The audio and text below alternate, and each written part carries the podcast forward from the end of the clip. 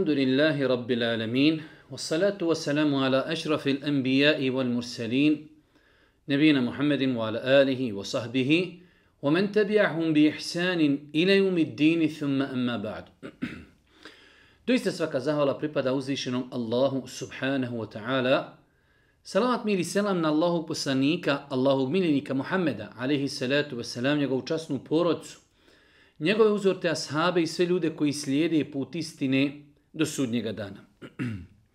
Rabbi šrahli sadri, wa jesir li emri, wahlu l'uqdata min lisani jefqahum qavli. Uvažna braćo i poštovani sestre, uvaženi gledatelji, vjerujem da velik broj vas zna da smo mi u mjesecu Ramazanu, na početku mjeseca, započeli jedan novi serijal predavanja kojih smo naslovili i nazvali komentar odabranih ajeta iz Kur'ana ili pouke i poruke iz odabranih kur'anskih ajeta. Mi smo u prvih nekih desetak dana u mjesecu Ramazanu stavili sebi neki program da smo svake večeri komentarisali odabrane ajete jednog džuza. Pa smo tako imali deset, deset predavanja i evo ako Bog da, kao što smo i obećali, nakon Ramazana vraćamo se ovom našem serijalu za kojeg mi smatramo da je mnogo, mnogo bitan. Rekli smo, vraću moja draga, da ćemo u svakom predavanju obrađivati odabrani ajete jednog džuza. Pa smo do sad imali deset predavanja, deset džuzeva i ako Bog da, pokušat ćemo se truditi da u narednih 20 emisija, ako Bog da, eh, govorimo o odabranim ajetima ostalih 20 džuziva Kur'ana, jer spomenuli smo više puta, e, u Kur'anu ima 600 i 4 stranice, islamski učenjaci su to podijelili na 30 džuziva, tako da svaki džuz otprilike ima 20 stranica, pa mi pokušavamo sa jedne stranice uzeti jedan, eventualno dva ajeta, da jednostavno, da jednostavno ljudima malo uh, približimo Kur'an, da im otvorimo oči i vidike šta to sve ima u Kur'anu. To jeste glavni cilj ovih predavanja. Jednostavno imamo osjećaj da velik broj ljudi e, ne smije da uzme Kur'an, boji se Kur'ana, ne zna šta tu ima u Kur'anu, pa želimo, braću moje drage i cijene sestre, kroz ovaka druženja jednostavno da se upoznamo sa određenim kur'anskim smjernicama. Želimo jednostavno da ljude upoznamo sa Kur'anom i njegovom, i njegovom porukom. Kao što smo kazali, ovo je naše 11. druženje, družimo se sa 11. džuzem.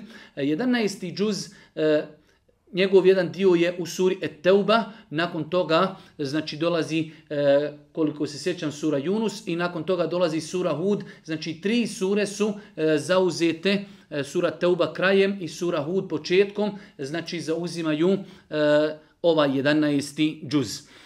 Prvi ajet koji ćemo komentarisati jeste ajet iz suri Teube, znači e, ajeti pred kraj suri Teube, 115. ajet, kaže uzvišeni Allah, وَمَا كَانَ اللَّهُ لِيُضِلَّ قَوْمًا بَعْدَ إِذْ هَدَاهُمْ حَتَّى يُبَيِّنَ لَهُمْ مَا يَتَّقُونَ إِنَّ اللَّهَ بِكُلِّ شَيْنْ عَلِيمٌ Allah neće u zabludu odesti narod koji je napravi put uputio prije nego što oni učine ono što im je on zabranio. Allah zaista sve dobro zna. Jedan mnogo interesantan ajet, jedna kuranska istina, kuranska činjenica, jedna, jedna smjernica naših gospodara njegovim robovima.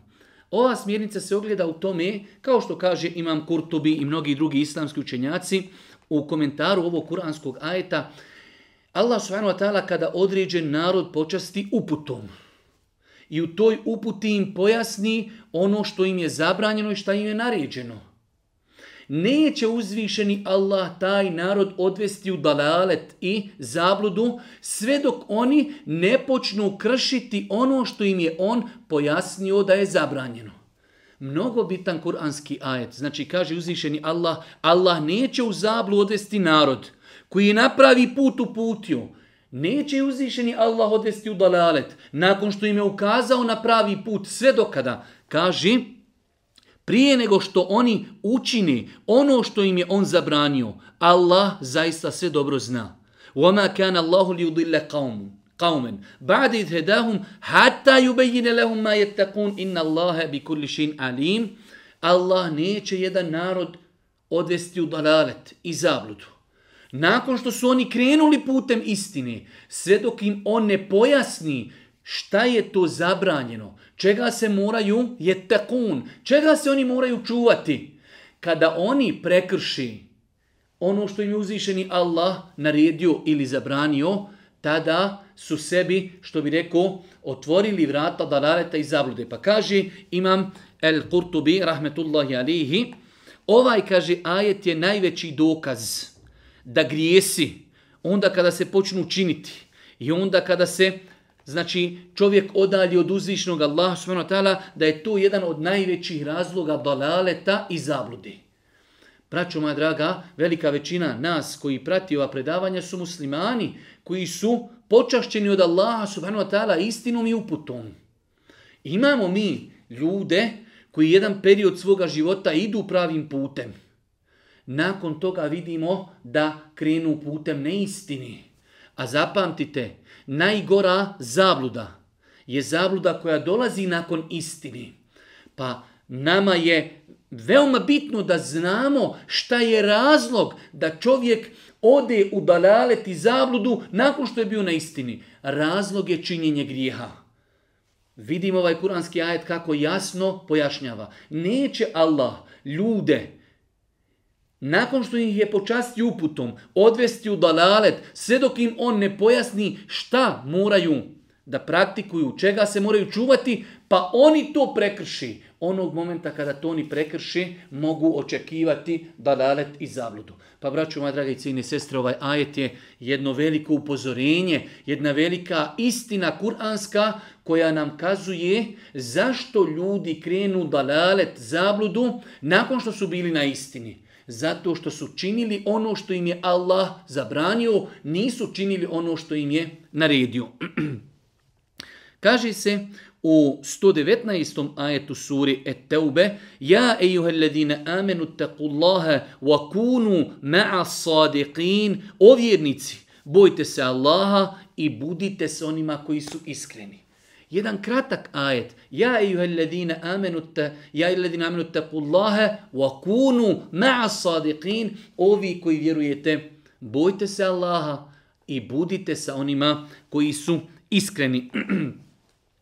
Ovaj ajet uzvišenje Allah spomenuje u Kur'anu nakon poznatog onog događaja trojice ashaba koji su izostali iz bitke na Tebuku. Jedan od njih je i Ka'b ibn Malik. Pa je njih spasila od, hajde da kažemo, i dunjalučke i ahiretske kazne, to što su njih trojica, jasno, kada je došao Boži poslanik i vratio se sa te buka, došla jedna velika skupina ljudi koji su uh, izmislili lažni razloge zašto nisu išli sa poslanikom u pohod. A trojica njih, od kojih je bio i Kab ibn Malik, došli su i kažu Allahu poslaniće, jednostavno imali smo dobre uvjete, nismo izišli, šeitan nas je nadladao i to je, to je istina. Prošli su oni kroz jednu tešku proceduru, 50 dana izolacije, ali na kraju je uzvišeni Allah objavio ajete i prihvatio njihovo pokajanje. Pa ih je spasilo šta? Šta? to što su bili iskreni. Pa Allah Đelešanu na kraju, ove suri, na kraju ovog kazivanja o Kabi ibn Maliku i dvojici drugih asaba koji su također bili iskreni, kaže o vjernici, ovi koji vjerujete u Allaha, ovi koji vjerujete u sudnji dan, bojte se Allaha. To je najveći savjet vjernicima. Bojte se Allaha i budite sa onima koji su iskreni. Budite i vi iskreni, ali budite sa onima koji su iskreni. Allahu poslanik kaže u redoštvenom hadisu Ar-rađulu ala dini halili Čovjek je na vjeri svoga prijatelja. Pa kada je insan sa iskrenima, i on će biti iskren. Od njih će pokupiti svojstva iskrenosti, pokupit će hrabrost, odvažnost, iskrenost i tako dalje. Pa je ovo jedan veliki savjet, pogotovo u današnje vrijeme. Današnje vrijeme je karakteristično da je veoma teško naći iskrenog insana. Danas je sve korist, danas je sve interes. Pa kaže uzvišeni Allah, bojte se Allaha i budite sa iskrenim, pomozite iskrenim stanite uz njih kada im je potrebno, jer insana koji je iskren, on će udariti na velika iskušenja. Pa budite sa njima, budite uz njih, pomozite ih, okoristite se od njih, poprimite od njih tu iskrenost i tako dalje. Pa braću, moja dragi cini sestre, ovo je jedan veliki kuranski savjet, ovo je jedan veliki kuranski princip, čovjek treba paziti s kime će se družiti. Allah mu jasno kaže s kime treba da se druži, s kime treba da prijateljuje. Kunu ma'a sadiqin. Budite sa onima iskrenim. Budite s onim ljudima koji iskreno robuju Allahu, koji iskreno radi za društvo u kojem živi, koji iskreno podižu glas protiv nepravdi, koji iskreno se bori za ljudska prava. Budite sa takvim ljudima, pomozite ih, dovite Allahu za njih. Pa je ovo drugi savjet večeras, znači insan u životu treba da pazi ko je kakav, a ovo je iskren insan. Želim da budem sa njim jer je to naređenje i smjernica uzvišenog Allaha subhanahu wa ta'ala. Nakon toga 120. 121. i 122. ajet iz sure Et-Teube. Allah Đeršanu opet govori o ljudima koji su izostali iz pohoda sa Božim poslanikom, ali i salatu wasalam, a mi smo citirali ovaj ajet da vidite kako je islam lijep i kako se u islamu sve što čovjek žrtvuje na Allahovom putu vidi, upisuje i evidentira ovaj, a, ova tri ajeta prvenstveno smo citirali zbog toga. Kaže uzvišeni Allah, nije trebalo da stanovnici Medine, ni Beduini u njihovoj blizini, i za Allahova poslanika izostanu. Nisu trebali izostati oni koji su izostali. I da svoj život njegovu životu pretpostavi. Jer njih neće zadesiti ni žiđ, ni umor, ni glad na Allahovom putu, niti će stupiti na neko mjesto koje će nevjernike naljutiti, niti će ikakvu nevolju od neprijatelja pretrpjeti, a da im to sve neće kao dobro djelo upisano biti. Allah zaista neće dopustiti da propadne nagrada onima koji čini dobra djela. Nastavlja uzvišenje Allah u 121. ajetu i neće dati nikakav prilog ni mali ni veliki, niti će ikakvu dolinu prevaliti, niti im to i da im to, a da im to neće zapisano biti. Da bi im Allah nagradu za dijelo njihova, da bi Allah nagradio za dijela njihova nagradom ljepšom od one koju su zaslužili. Pogledajte koliko stvari uzvišeni Allah navodi ovdje koje se upisuju vjerniku kao dobro djelo. Pa kaže neće ih zadesiti nikakva žiđ, niti umor, niti glad, niti će stupiti na neko mjesto koje će naljutiti nevjernike, niti će ih kakav nevolja od neprijatelja zadesiti, pa oni se, znači, istrpiti na tome, sve će im to biti upisano kao dobro djelo. Pa nakon toga i neće nikakav prilog dati, ni mali, ni veliki, niti će kakvu pro, dolinu prevaliti, a da im to neće biti zapisano. I na kraju kaže uzvišeni Allah, da bi ih Allah nagradio za dijela njihova nagradom ljepšom od one koji su zaslužili. Lijeđzijehumu Allahu ahsene ma ja'melun, kanu ja'melun, da bi ih Allah nagradio ljepši i viši i bolji od onoga što su zaslužili. Prvo, sve se, braćo moja draga, evidentira. I kada čovjek se sikira za islam, i kada radi, i kada ulaži, i kada investira, i kada ibadeti, i kada poziva, i kada je javno, i kada je tajno, sve se evidentira. I glad, glad na Allahom putu evidentira se. Žeđ, čovjek na Allahom putu putuje i žedanje. Meleki zapisuju žeđ. Čovjek prolazi kroz neku dolinu na Allahovom putu, ide. Meleki zapisuju. Kao što je došlo u vjerodostojnom Adisu, kada insan...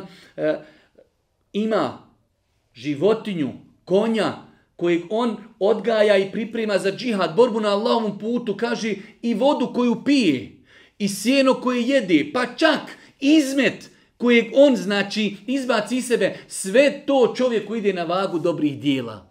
Pa braćo, moja draga i cini sestre, ovaj ajet je jedan veličanstven ajet da uzvišeni Allah neće dopustiti da se nešto od naših dobrih dijela koje uradimo zaboravi.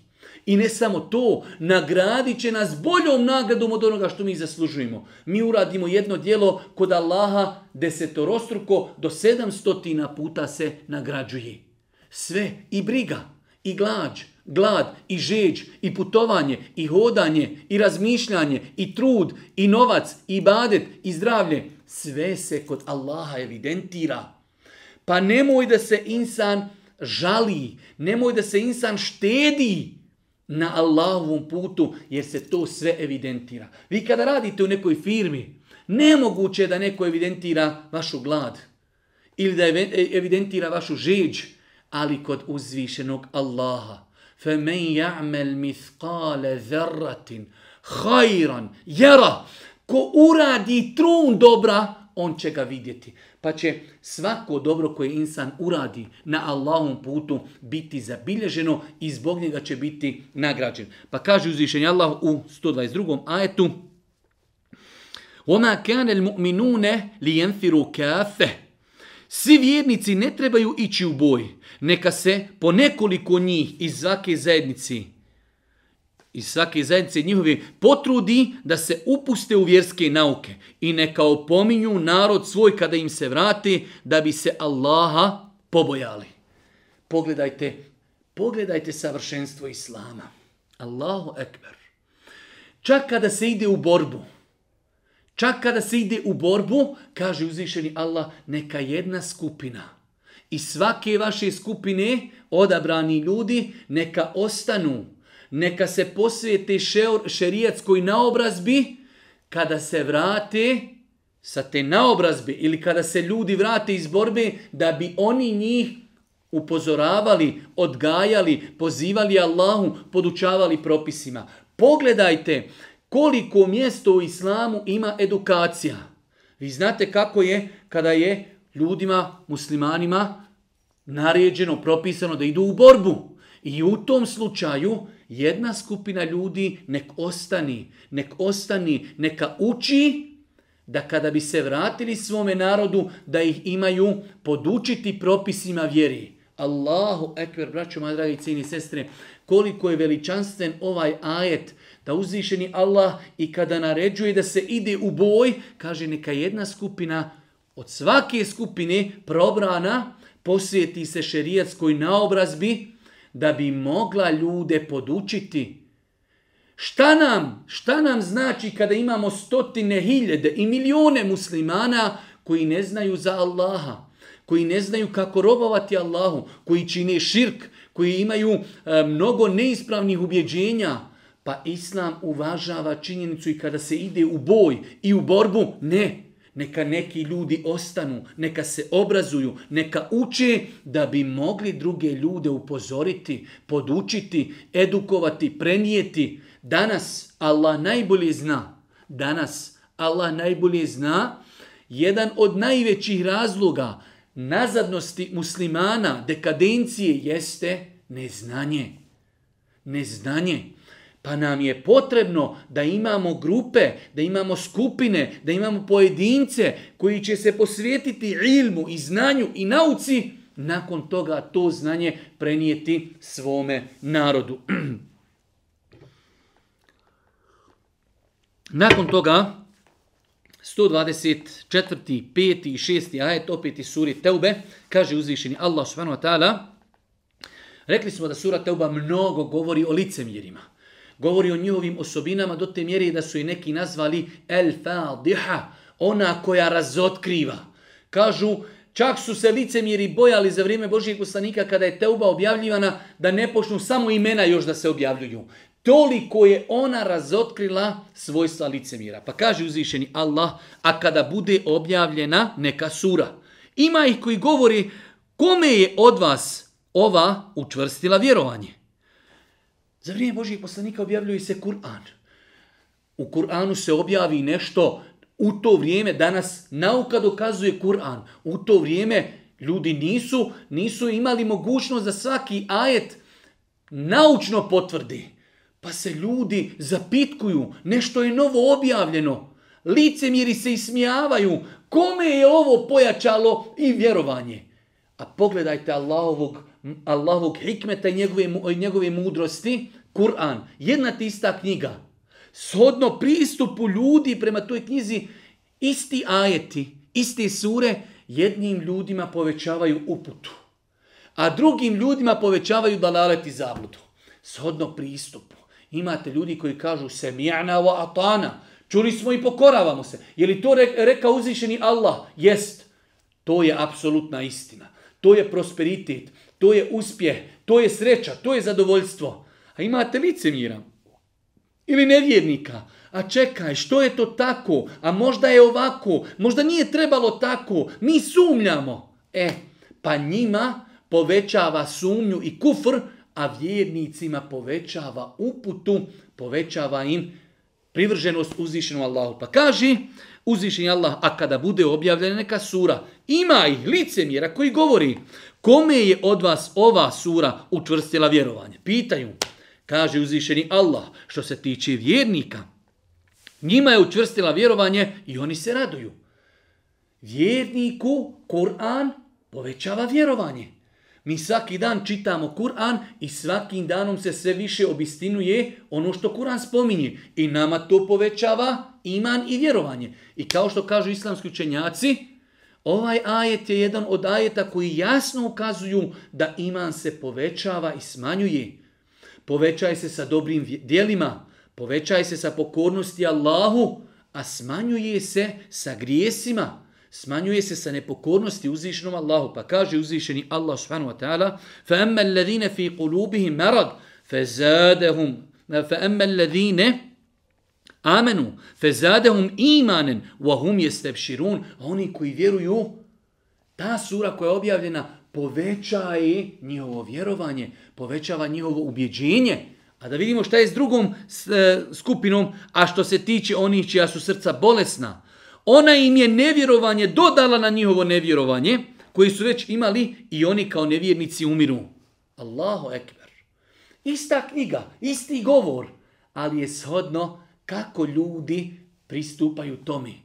Čovjek kada uzme temelje, ja vjerujem u Allaha, vjerujem u sudnji dan, vjerujem u poslanika, vjerujem da ono što je rekao je hak i istina. Meni kada dođe novi ajet, to meni samo povećava ubjeđenje. Za razliku od insana koji sumnja, koji svemu pristupa sa sumnjom, takvom samo to nagomilava kufr i nagomilava još sumnje. Pa kaže uzvišeni Allah u 126. ajetu, zar oni ne vide da svake godine, jedan put ili dva puta, u iskušenje padaju, pa opet niti se kaju, niti se opamećuju. Allah Đerašanu kaže, a zar ti licemjeri ne vide? Mi njih godišnje jednom ili dva put stavimo na kušnju, a oni niti se kaju, niti se vraćaju uzvišenom Allahu, niti, niti su se opametili. Pa je, braćo moja draga, kad insan doživi neko iskušenje, kad doživi neki musibet, kad ga nešto zadesi, treba da se preispita. Allah se ovdje čudi licemirima i kaže, zar oni ne vidi da svake godine jedan put ili dva put u iskušenja oni padaju? Oni se opet nakon toga niti se kaju, niti se opamećuju pa bi vjernik trebao, kada ga zadesi mu sibe, da se kaje, da razmišlja, da se preispituje, da se preispituje svoj hal i svoje stanje, da razmišlja i tako dalje. Pa znači ovo su ajeti koji nam jasno kazuju stanje vjernika i nevjernika naspram Kur'ana. Vjernicima Kur'an povećava vjerovanje, licemjerima, nevjernicima povećava dalalet i zabludu. Allah Đelešanu lice mire stavlja godišnje jednom ili dva put na iskušenje. Ne bili se pokajali, ne bili oni razmislili, ne bili se opametili. Insan kada ga zadesi mu sibet iskušenje, treba da se preispita. Kakav je moj život? Koliko sam pokoran? Koliko sam u grijesima? Kako je moje srce? Ima li zavisti? Ima li straha? Ima li bogobojaznosti? Ima li i tako dalje? Pa su iskušenja, Allah i davao licemjerima, ne bili se oni pokajali, ne bili se opametili, ne bili se preispitali.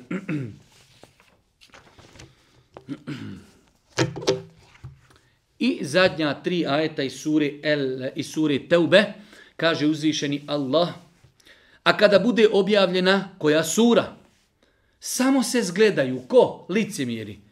Da li vas ko vidi? Da li vas ko vidi?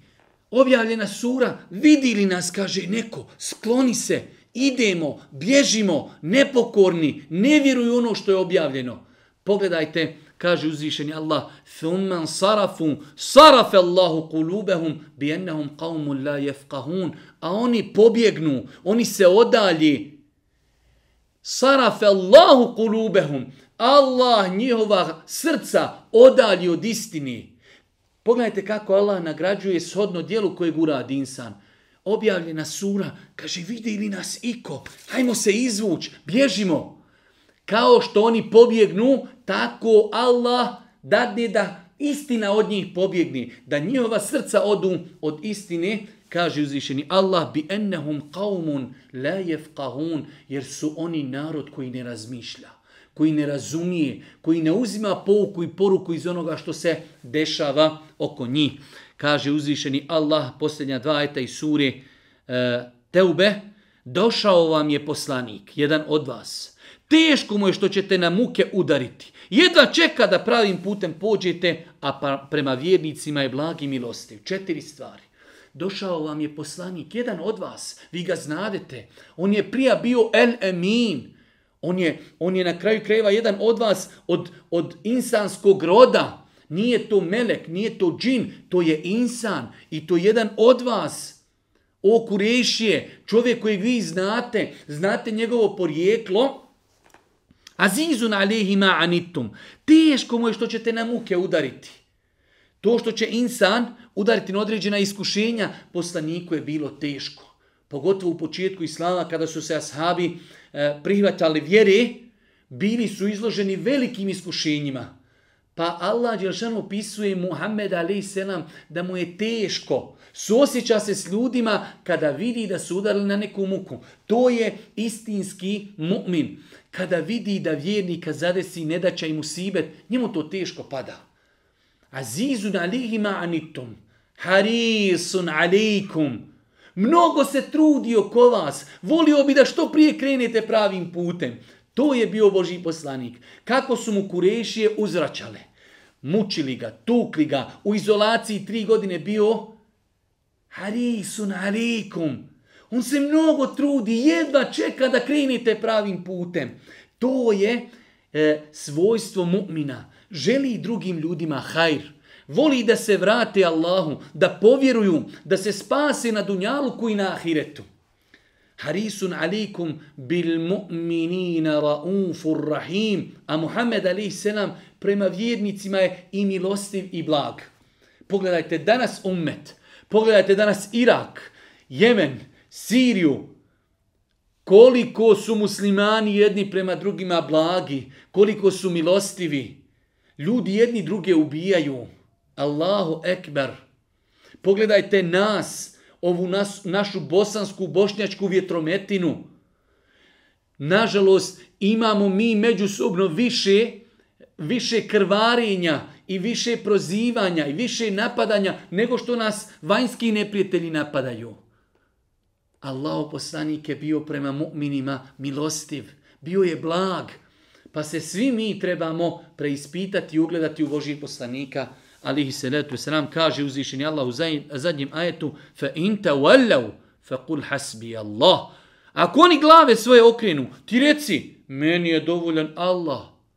Ovo je poruka poslaniku, ali svima nama. Radimo, pozivamo, ljudi, neko će se odazvat, neko neće. Hasbi Allah, nama je dovoljan Allah. La ilaha illa hu, nema Boga osim Allaha subhanahu wa ta'ala, samo se uzdamo u njega alihi tevokeltu vahu rabbul aršil azim i on je gospodar arša veličanstvenog. Insan vjeruje, oslanja se na Allaha, poduzima ono što može, nakon toga ko želi da prihvati istinu, ko ne želi, to je znači na slobodnu volju svakom, svakom insanu. nakon toga, nakon toga, prelazimo, rekli smo da 11. džuz e, proteže se kroz tri sure. E, obuhvata jedan dio sure Teube, jedan e, dio sure Junus i jedan dio sure Hud. Mi ćemo probrati nekoliko ajeta iz sure Junus, iako je zaista uvijek nama veliki problem da od svake stranice odabirimo jedan ajet. Toliko je ajeta koji su svima nama potrebni, ali rekli smo, mi pokušavamo kroz ova predavanja samo da uzmemo ključeve, da se jednostavno malo naučimo kako analizirati Kur'an, kako živjeti sa Kur'anom, kako Kur'an pretočiti u svakodnevni život. Pa kaže uzviši Allah u su, suri Yunus, a Yunus ova sura je dobila po poznatom ime, po poznatom poslaniku Yunusu, alaihi salatu wasalam, koji je desio mu se onaj poznati događaj da ga je progutala riba, pa nakon toga kada je zavapio uzvišom Allah subhanahu wa ta'ala, uzvišen Allah je naredio da ga izbaci na obalu mora.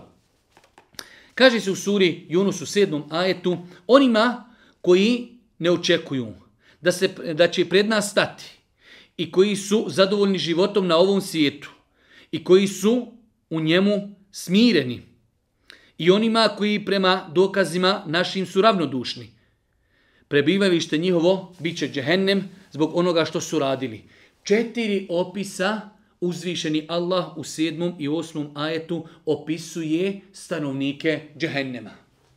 Rekli smo e, od savjeta prijedhodnih koji smo govorili jeste da na dosta mjesta uzvišeni Allah opisuje stanovnike džehennema, odnosno njihove opise na Dunjaluku.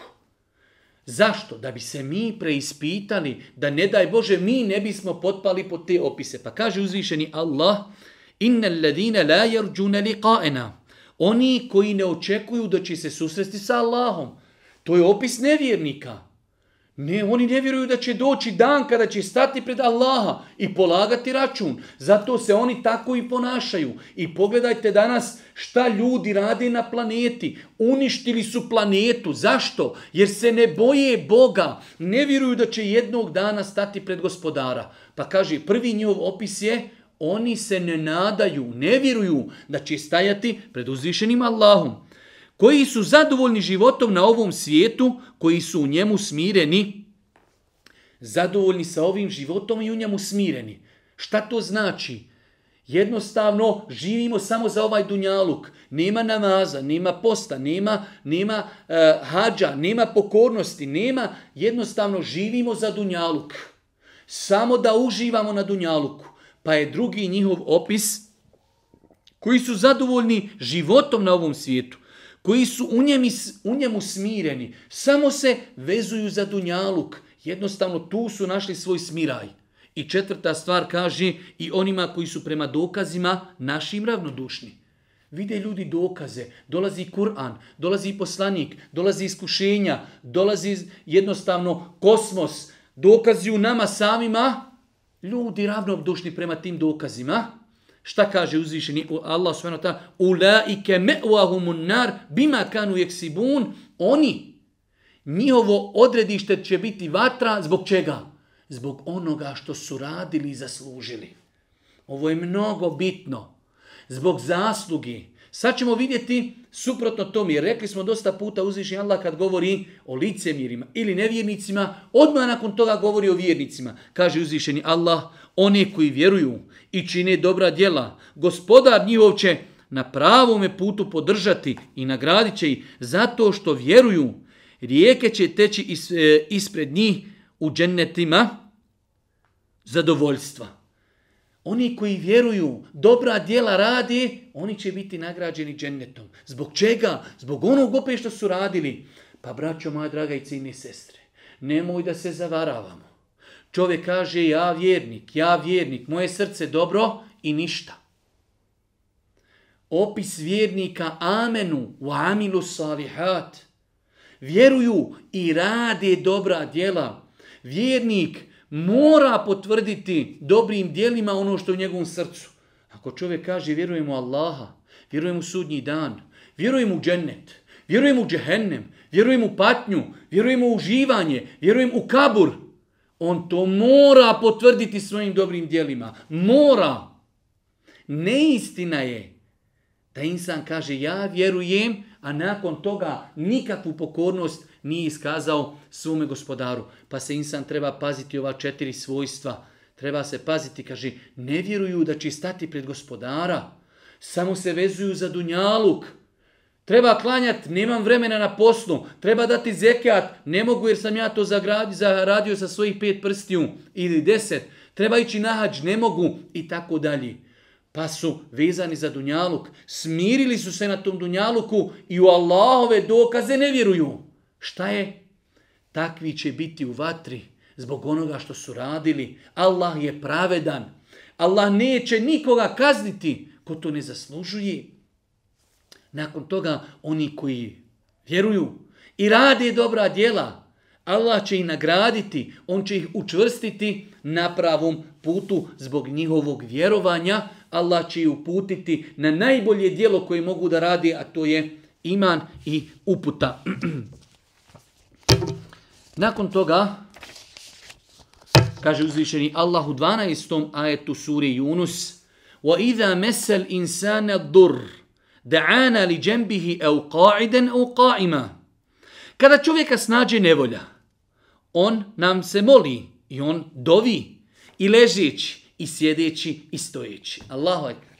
Nismo rekli da je Kur'an specifičan, da je Kur'an tako lijep. Sad govori o jednom stanju uh, o govori o nekim savjetima, sad prelazi od jednom u nešto drugo. Govori nam Kur'an o stanju insana na dunjaluku. Zadesi ga musibet. Kao što mnogi nas zadesi, kada smo u musibetu, mi odma preispitujemo se.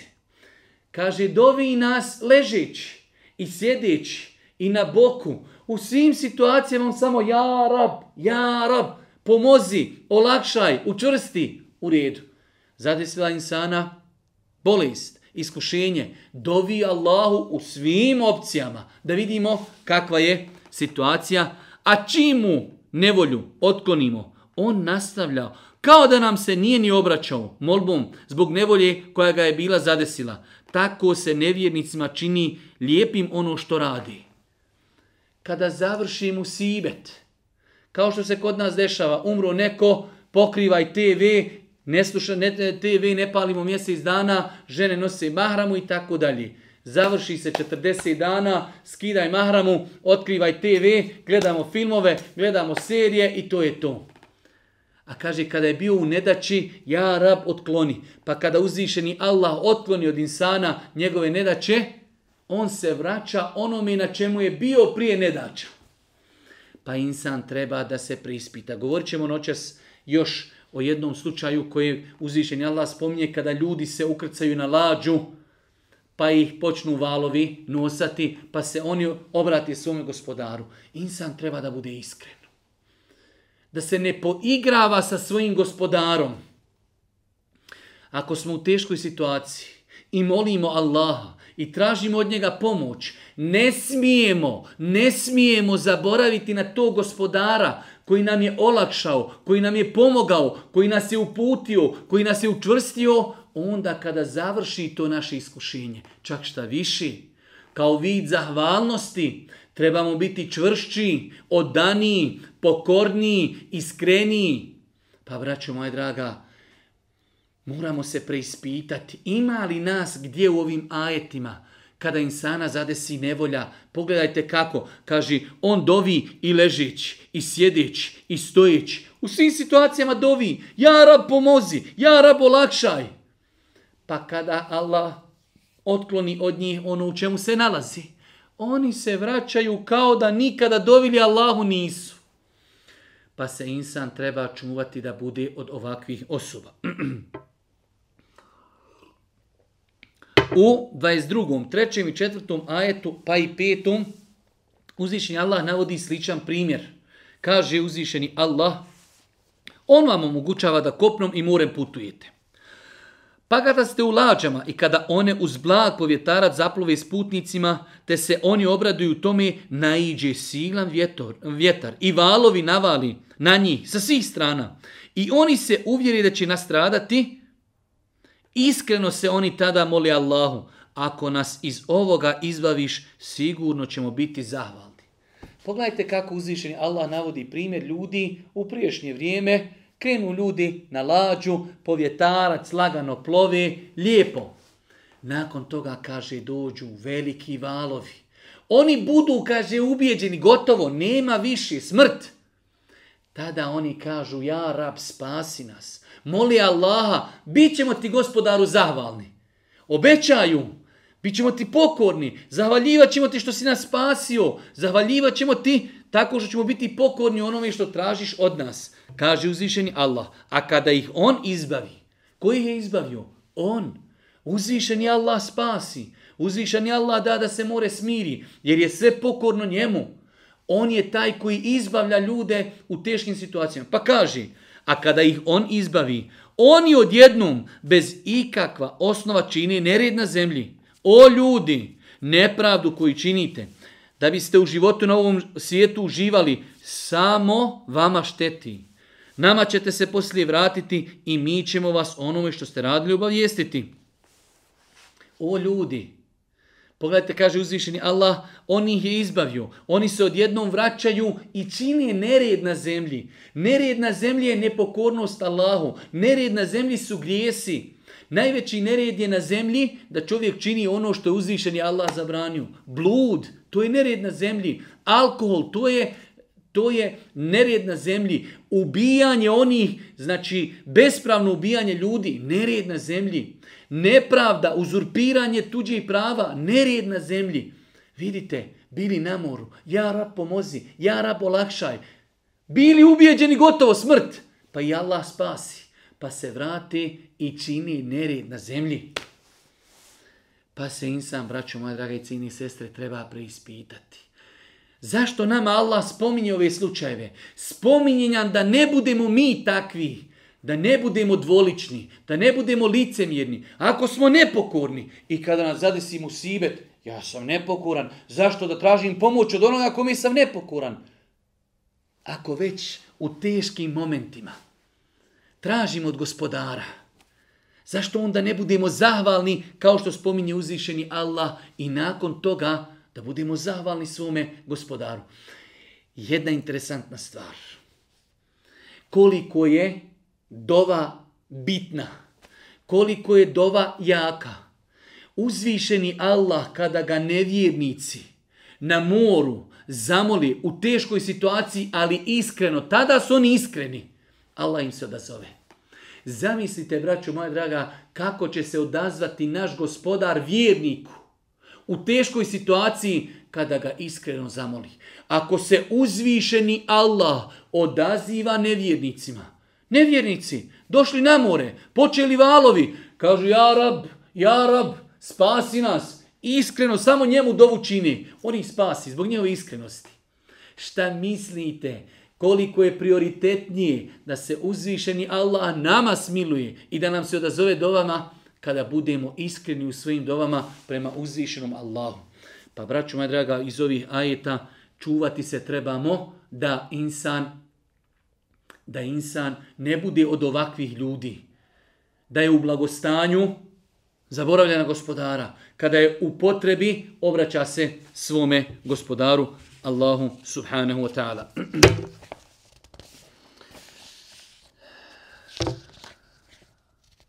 Nakon toga, kaže uzvišenje Allah u 26. ajetu, sure Yunus, lillezine ahsenu el husna wa zijade oni koji budu dobročinitelji oni koji budu vjerovali oni koji budu učinili dobra djela el husna opet uzvišeni Allah nagrađuje shodno djelu oni koji budu dobri na dunjaluku, budu pokorni, činili drugim ljudima dobro i njima će Allah dati dobro. Allahu ekver.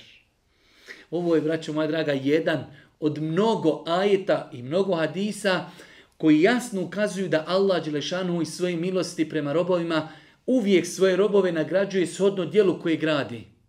Pa kada insan prekrije brata muslimana njegovu mahanu, uzvišen je Allah njega prekrije. Kada insan pomogne brata muslimana, njega Allah pomogni. I tako dalje mnogo je kuransko-hadijski argumenta koji jasno ukazuju da se uzvišeni Allah obhodi prema ljudima onako kako se oni obhode prema drugim ljudima. Pa kaže, lilledine ahsenu, oni koji budu dobri, budu pokorni, i njima će Allah biti dobar. Vazijadi! I više od toga će oni i više od toga će dobiti. Kaže, oni koji čine dobra djela, njih čeka nagrada i više i više od toga. Oni će stanovnici dženeta biti i u njemu će vječno boraviti.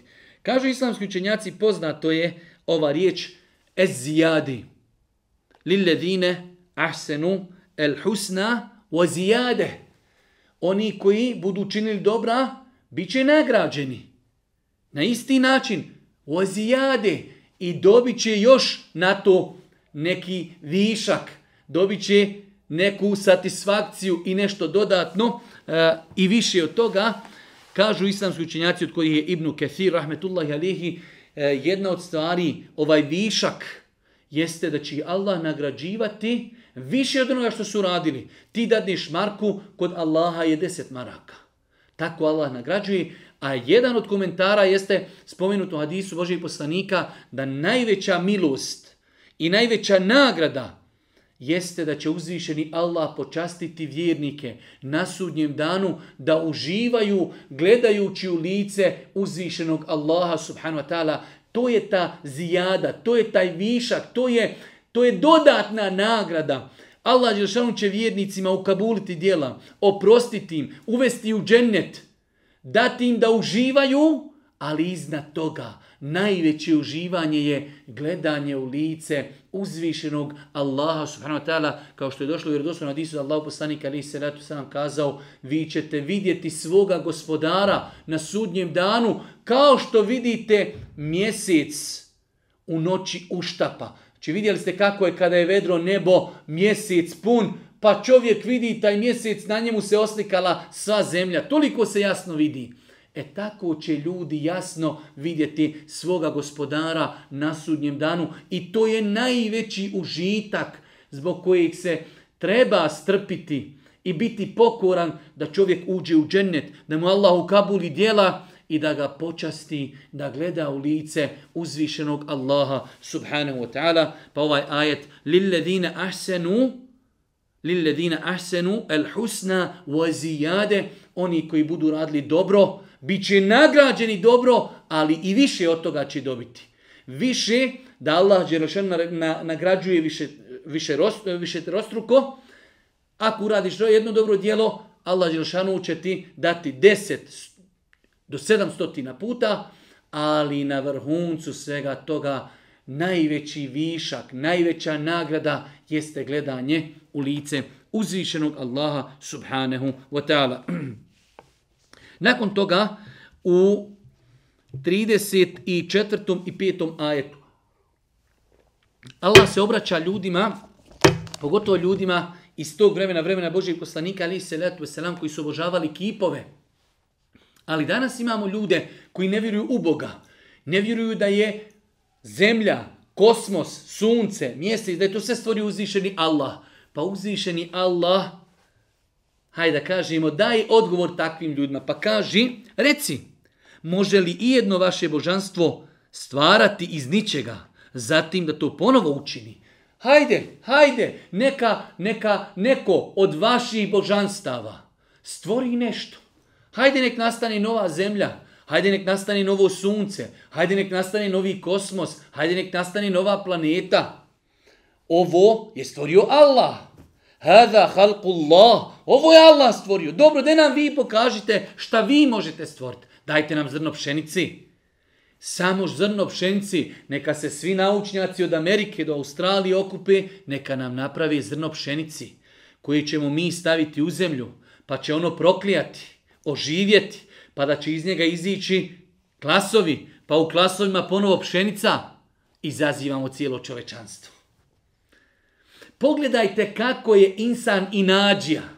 Kako je insan čudan. Tako je sićušan. Tako je, tako je insan e, slabašan. Da ne može jedno zrno pšenice stvoriti. Da ne govorimo da stvori životinju. Evo, imamo životinje, hajde vi nam stvorite jednu novu životinsku vrstu. Nema, nemoguće.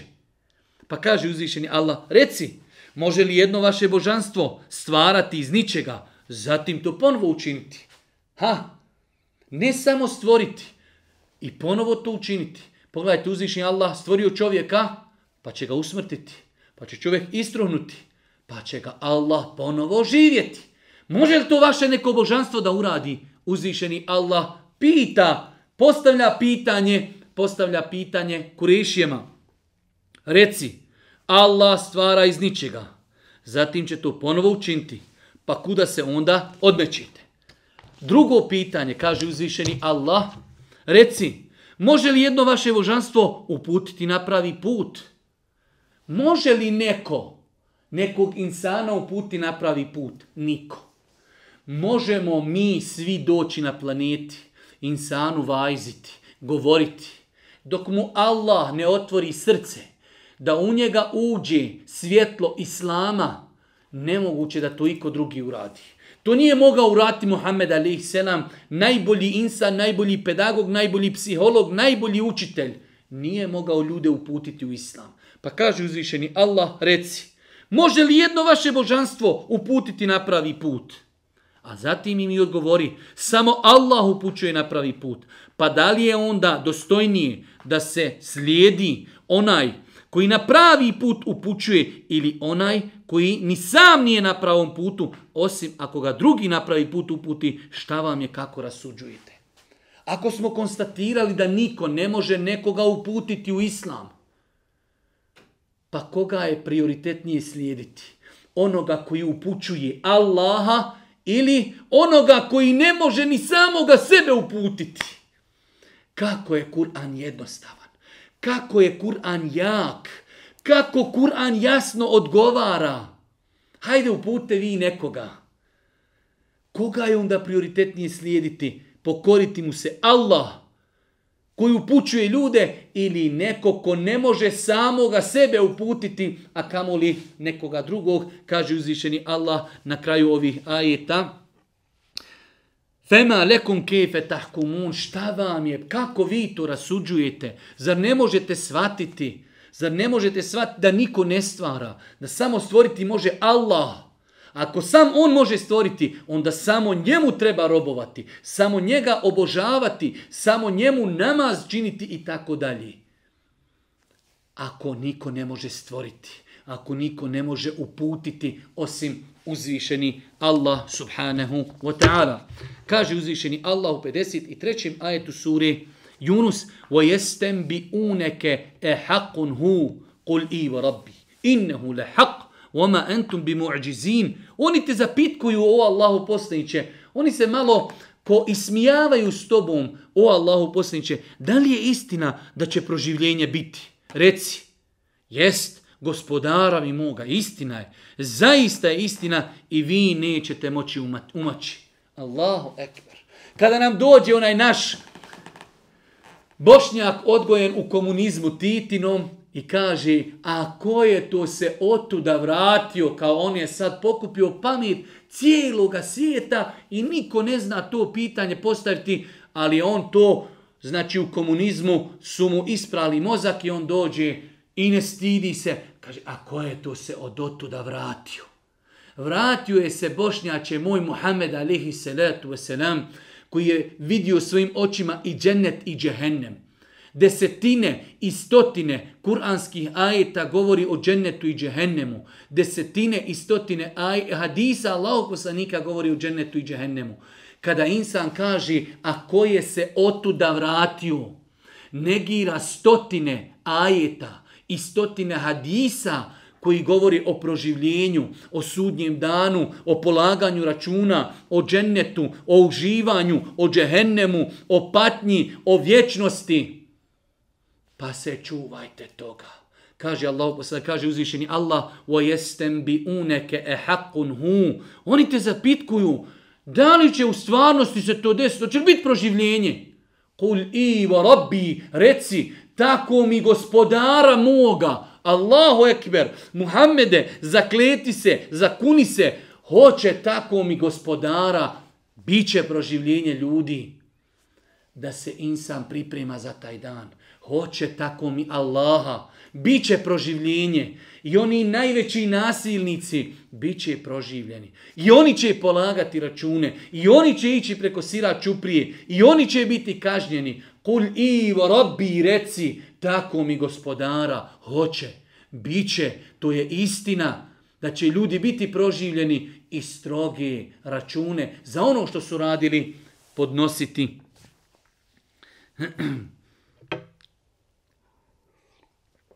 Nakon toga u 54. ajetu jedna nova opet cijelina, kaže uzvišeni Allah, kada bi nevijenik imao sve ono što na zemlji postoji. Sve bi on to dao samo da se otkupi.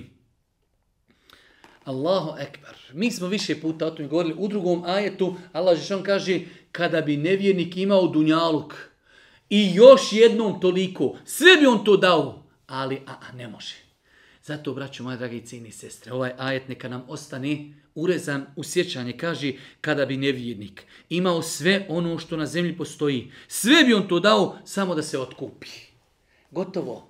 Nemoj da dozvolimo da zbog 100 eura, zbog duluma zemlji, zbog fabrike, zbog firme, zbog auta, zbog piknika, zbog hodanja, zbog šopinga i tako dalje, da propustimo namaz. Da nečemu damo prednost nad Allahom. Jer sve to kada bi objedinili, kada bi imali zemaljsku kuglu kompletu, sa svim bogatstvima i još jednu uz nju, sve to da dadnemo – da se iskupimo ako nam bude suđeno da nas kazni, ako zaslužimo svojim postupcima, ne možemo se iskupiti. Jer kod Allaha dunjaluk na sudnjem danu ne vrijedi neko krilo mušici. Krilo mušici, uzmite mušicu, uhvatite je i pogledajte. Ono prozirno krilo ne vrijedi kod Allaha dunjaluk ko krilo mušici. Nemoj da dopustimo sebi da izgubimo vječni ahiret zbog prolaznog dunjaluka kada bi neko rekao imaćeš cijeli dunjaluk. Eto, sve je na planeti tvoje. Opet ti to tamo ništa ne vrijedi. A kamoli da letimo, radimo i da zbog tog dunjaluka izgubimo, izgubimo ahiret, a izgubili dunjaluk, jer ga nismo stigli onoliko koliko nam je bilo potrebno. Pa kaže uzvišeni Allah, kada bi nevjernik imao sve ono što na zemlji postoji, sve bi on to samo dao da se otkupi, ali ne vrijedi nemoguće, nemoguće se otkupiti ako bude čovjek zaslužio svojim dijelima da bude, da bude kažnjen. Kaže uzvišeni Allah u 30, 57. E, i 58. ajetu sure Yunus Ja ejuhan nasu kad džaetkum mev'idhatun min rabbikum wa šifaun lima fis sudur wa huden wa rahmetun lil mu'minin O ljudi! Allah Jeršanu doziva ljude što znači široko. Svi koji su na planeti, čovječanstvo, o ljudi, o ljudi, već vam je stigla pouka, vaz od gospodara vašeg. Stigao vam je Kur'an. Stigao je Muhammed alihi salatu wasalam. Došao je Islam. O ljudi, došao vam je vaz, me'u'iva. Baš riječ vaz. Došla vam je opomena od vaših gospodara, došao je Muhammed alihi salatu wasalam koji ne govori po hiru svome, došao je Kur'an u kojem je svaki harf autentičan, istina, došao vam je vaz, hoćete li dozvoliti da taj vaz nađe puta ka vašim srcima, o ljudi, došao vam je vaz, došla vam je opomena, došlo vam je upozorenje, došao je Muhammed alihi salam, došao vam je Kur'an, I došao je lijek za vaša srca i uputstvo i milost vjernicima. Allahu ekber. Kur'an je lijek za naša srca. Ne može smiriti, ni umiriti ljudsko srce ništa kao Kur'an. Kada čovjek pročita riječi uzvišenog Allaha, وَمَنْ يَتَوَكَلْ عَلَى اللَّهِ فَهُوَ حَسْبُهُ Onaj ko se na Allaha oslonu, osloni, osloni Allah mu je dovoljan. Elejse Allahu bi kafin abde. Zar Allah nije dovoljan svome robu? Omen je taqilla he jeđa'al lehu mahrađa. Onaj ko se boji Allaha, on će mu dati izlazi iz svake situacije. Wa huwa ala kulli shay'in qadir, a on je svemogući. On kada želi nešto, samo rekni budi i ono bude. To je naš gospodar, To je lijek našim srcima, oslonac na Allaha, stvoritelja, sveznajućeg, onaj koji želi nešto samo kaže, budi i ono bude. Pa je Kur'an lijek za naše srce. Za sumnje koje mogu napasti naše srce, za nevjerstvo koje može napasti naše srce, za bolesti koje može napasti naše srce, za džine i šeitane koji mogu napasti naše srce, svemu tome je lijek i lijek je i za srce tjelesna oboljenja. Allahu ekber. Onu nezilu minel Kur'ani ma huwa šifa. Mi objavljujemo Kur'an, a u tom Kur'anu je lijek. Lijek za dušu, lijek za tijelo. Pa kaže uzvišeni Allah, o ljudi, već vam je evo pouka od gospodara stigla. I lijek za vaša srca. I uputstvo, ali i milost. Kur'an je uputstvo. Huden lil muttaqin. Huden lil muttaqin ali je on i milost, rahmet. Allah Žešanu kaže, Inne hadel Kur'ane jehdi lilleti hi akvam. Doista ovaj Kur'an ukazuje na najbolji mogući put. Pa je to milost čovječanstvu. Oma arselnake illa rahmeten lil alemin. A mi te nismo Muhammede poslali osim kao milost. Ti si milost. Istina s kojom dolazi, dolaziš je milost čovječanstvu kada čovječanstvo živi po islamu, to je pravda, to je istina, to je milost. Kada svako uživa svoja prava, to je najveća, to je najveća milost. Pa kaže uzvišeni Allah u 58. ajetu Kul bi fadlillahi wa bi rahmetihi fe bi zelike fel jefrahum huwa hajrum mimma jeđme'un. Reci, Neka se zato Allahovoj blagodati i milosti raduju. To je bolje od onoga što gomilaju. Reci, radujte se što ste muslimani, radujte se islamu, radujte se Kur'anu. To vam je bolje nego ono što okupljate i gomilate. Bez obzira šta gomilaš, otićeš u zemlju. Možeš imati milione, možeš imati milijarde, možeš imati jahte, možeš imati okejane i mora i ostrva i fabrike ništa ako ne budeš vjerovo, ako ne budeš pokoran. Zato se raduj, raduj se ja rab leke alhamd, hvala ti gospodaru što si mene u dalekoj Bosni uputio, što si mene u dalekom Sanđaku uputio, što si mene u dalekoj Crnoj Gori uputio, što si mene u dalekoj Americi uputio, tebi hvala, raduj se Kur'anu, ponosi se Kur'anom, to ti je bolje, od onoga što ljudi gomilaju na putu nepokornosti uzvišenom Allahu subhanu wa ta'ala.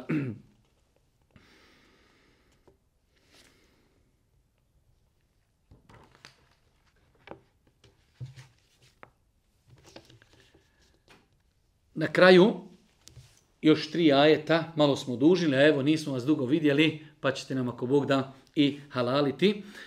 Kaže se u 90. 91. i 2. ajetu, Allah Žešanu kada govori o faraonu, opisuje kako je uništen faraon. Pa kaže uzvišeni Allah i mi prevede smo preko mora sinove Israilove. A za petama su im bili faraon i vojnici njegovi. Progono je čih ni krive ni dužne. A on, kada se poče daviti uzviknu, ja vjerujem da nema Boga osim onoga u kojeg vjeruju sinovi Israilovi i ja sam pokuran. Zar sada, a prije si neposlušan bio i razdor sijao, danas ćemo izbaviti samo tijelo tvoje, da bi bio poučan primjer onima poslije tebe, ali mnogi ljudi su ravnodušni prema našim poukama.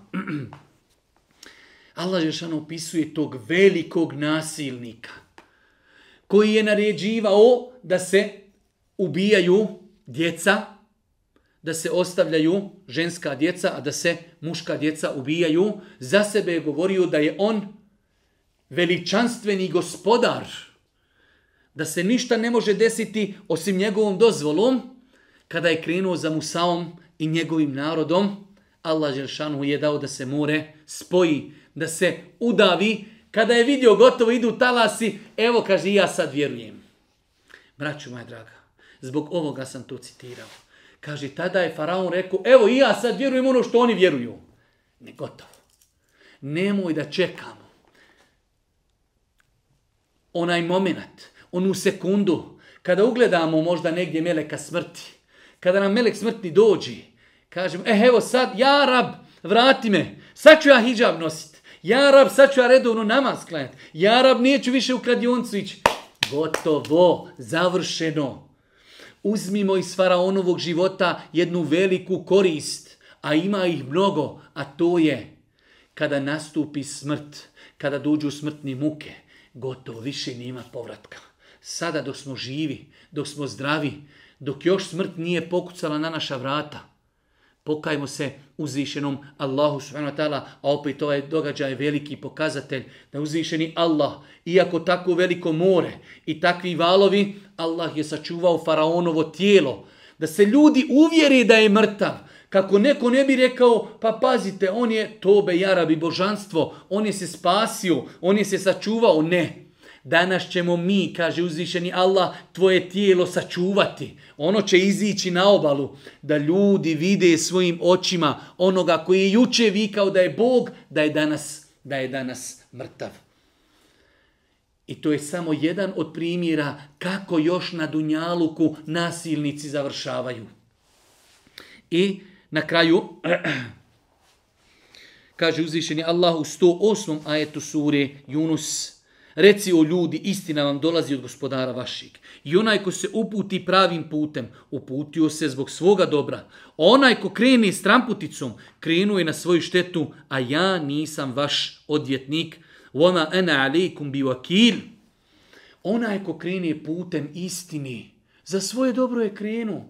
Onaj ko krene putem dalaleta na svoju štetu, braćo moja draga, nemojte se poigravati. Allah Đelešanu je El Ganij, apsolutno bogat, neovisan onama. Kada bi sva planeta bila pokorna, Allahu to ništa ne znači. I kada bi sva planeta bila nepokorna, to Allahu ništa ne znači. Pokornost koristi nama.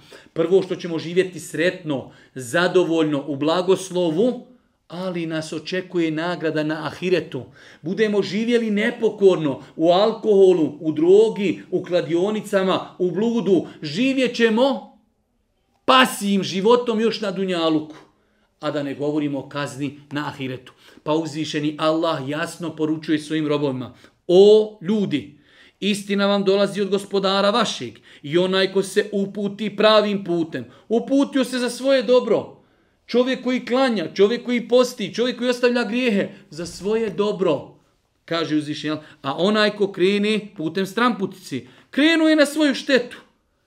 Krenuo čovjek putem alkohola, droge, ostavljanje namaza, prevare na svoju štetu. On će odgovarati. Pa se insan treba još na Dunjaluku dobro preispitati. I zadnji ajet, sura Hud, čisto pošto rekli smo ova 11. džuz, on uh, uzima malo dio sure Teube, suru Yunus i suru Hud. U četvrtom i petom ajetu u suri Hud kaže uzvišeni Allah وَإِلَى اللَّهِ مَرُجِعُكُمْ وَهُوَ عَلَى كُلِّ شَيْنْ قَدِيرٍ A Allah, Allahu ćete se svi vi vratiti, a On sve može.